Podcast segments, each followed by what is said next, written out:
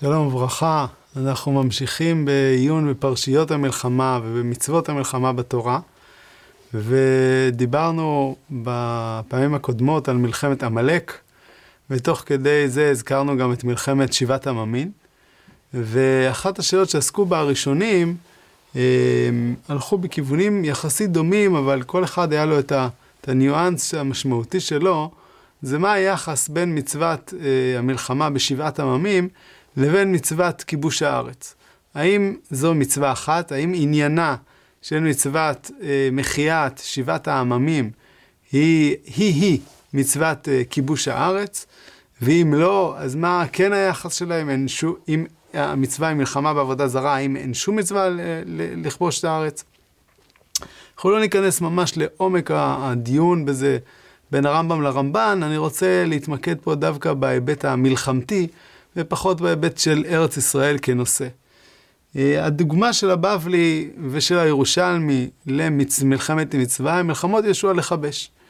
ולכאורה מהביטוי הזה משמע שיש מצווה לכבוש את הארץ.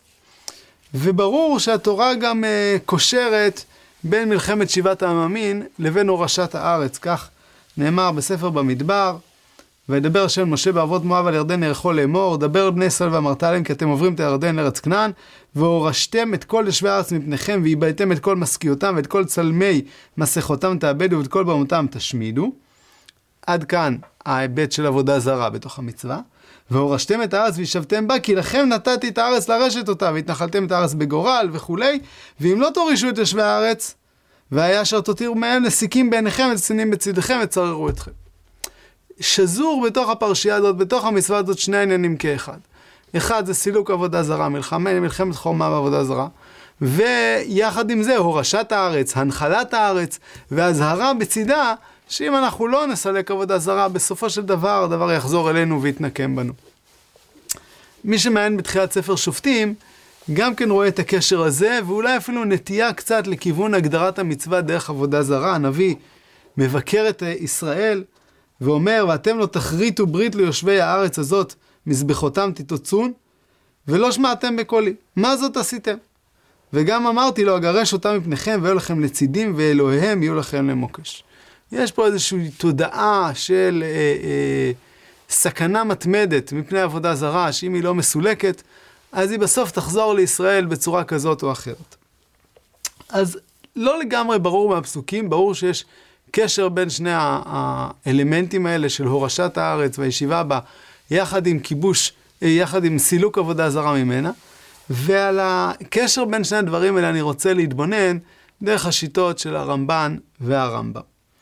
הרמב"ן אה, מונה את מצוות יישוב ארץ ישראל כמצווה, בשכחת האסין ד', אה, הוא חולק על הרמב"ם שלא מנה את זה כמצווה, וסבור שכיבוש ארץ ישראל היא מצווה, דברים המפורסמים שלו, שנצטווינו לרשת את הארץ, ולא נעזבנה ביד זולתנו מן האומות ולשממה, שנה, והוא אומרו להם והורשתם את הארץ וישבתם בה, בואו הרשו את הארץ. והרמב"ן ממשיך, זוהי שהחכמים קוראים אותה מלחמת מצווה, וככה גמרו בגמרא בסוטה, אמר רב יהודה מלחמות יהושע לכבש, דברי הכל חובה. וממאמרם, מלחמת יהושע לכבש, תבין כי המצווה הזו היא בכיבוש. הרמב"ן סובר שכיבוש הארץ, הורשת היושבים, היא מצוות עשה מן התורה. אמנם, הרמב"ם עצמו סבור, הרמב"ן עצמו, סליחה, באותו דיבור, גם מזכיר ואומר שיש הבדל בין מצוות כיבוש הארץ לבין המלחמה בעבודה זרה. אל תשתבש ותאמר כי המצווה הזאת היא המצווה במלחמת שבעת העממים שנצטוו לאבדם, אין הדבר כן. שאנו נצטווינו להרוג האומות ההם בלחמה עמנו, ואם רצו להשלים נשלים, ונעזבם בתנאים ידועים. אבל הארץ לא נניח אותה בידם ולא ביד זולתם מן האומות בדור מן הדורות. וכן, הוא אומר, אם הם ברחו, אנחנו לא צריכים להילחם בהם. אומר הרמב"ן, יש הבדל, גם הבדל להלכה. מלחמת שבעת העממים, כמו שכבר ראינו, אפשר לקרוא להם לשלום, ואם הם קיבלו את התנאים, אפשר להשאיר אותם, אבל אסור לתת להם אחיזה שלטונית בארץ, זה בכל מקרה בלתי אפשרי. ישראל צריכים להוריש את שבעת האומות. ולכן, אצל הרמב"ן יש שתי מצוות. מצווה אחת היא בעצם מצווה מדינית. מדינית דתית כמובן, אבל מצווה מדינית, לרשת את הארץ, לשלוט בה. וחוץ מזה מצווה שהיא מצווה דתית מובהקת של מלחמה ועבודה זרה.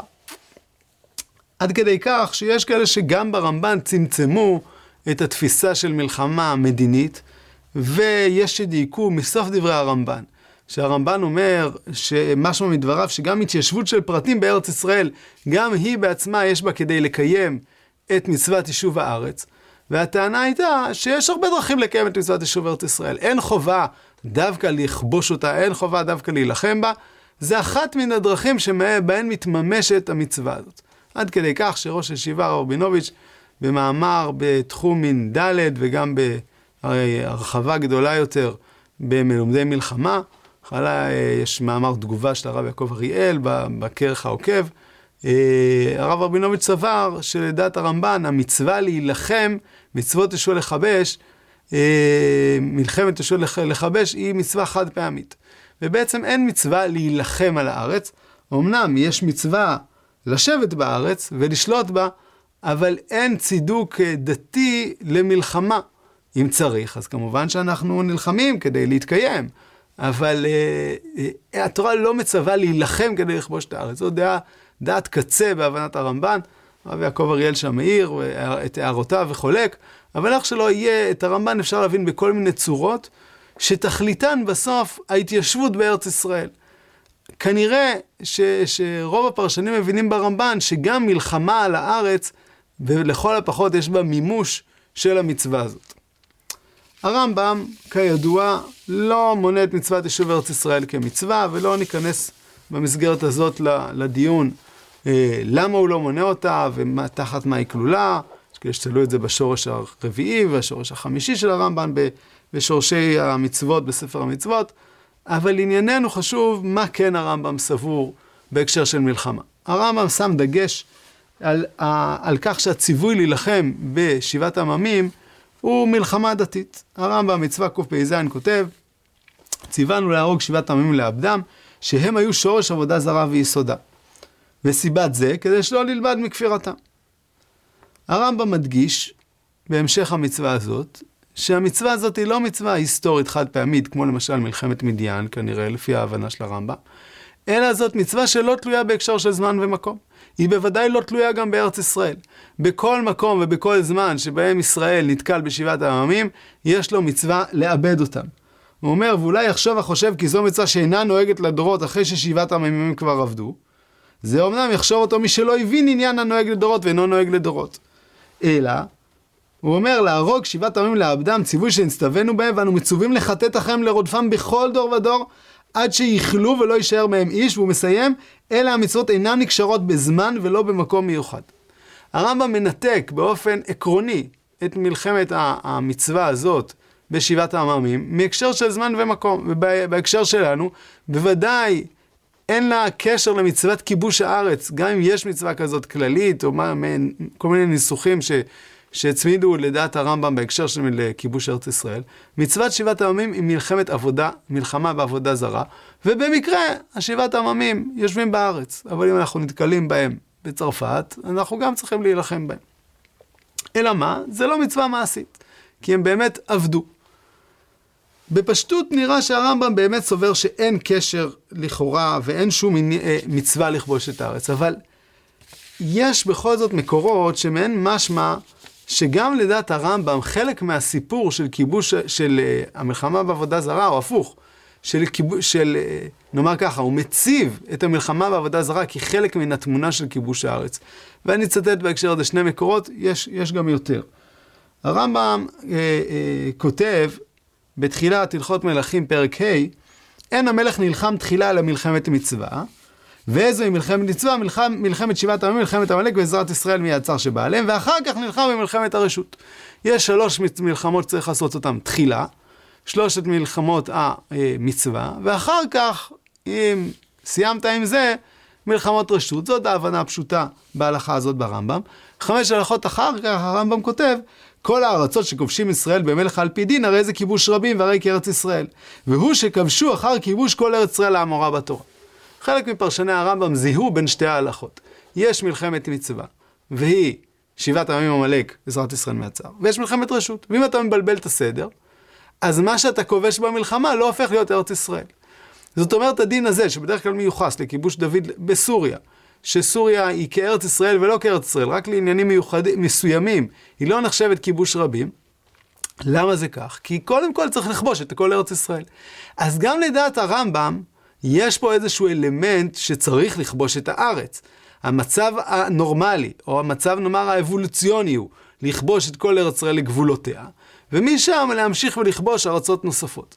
אבל לדלג החוצה, זה אומר שלא מילאת את החובה שלך.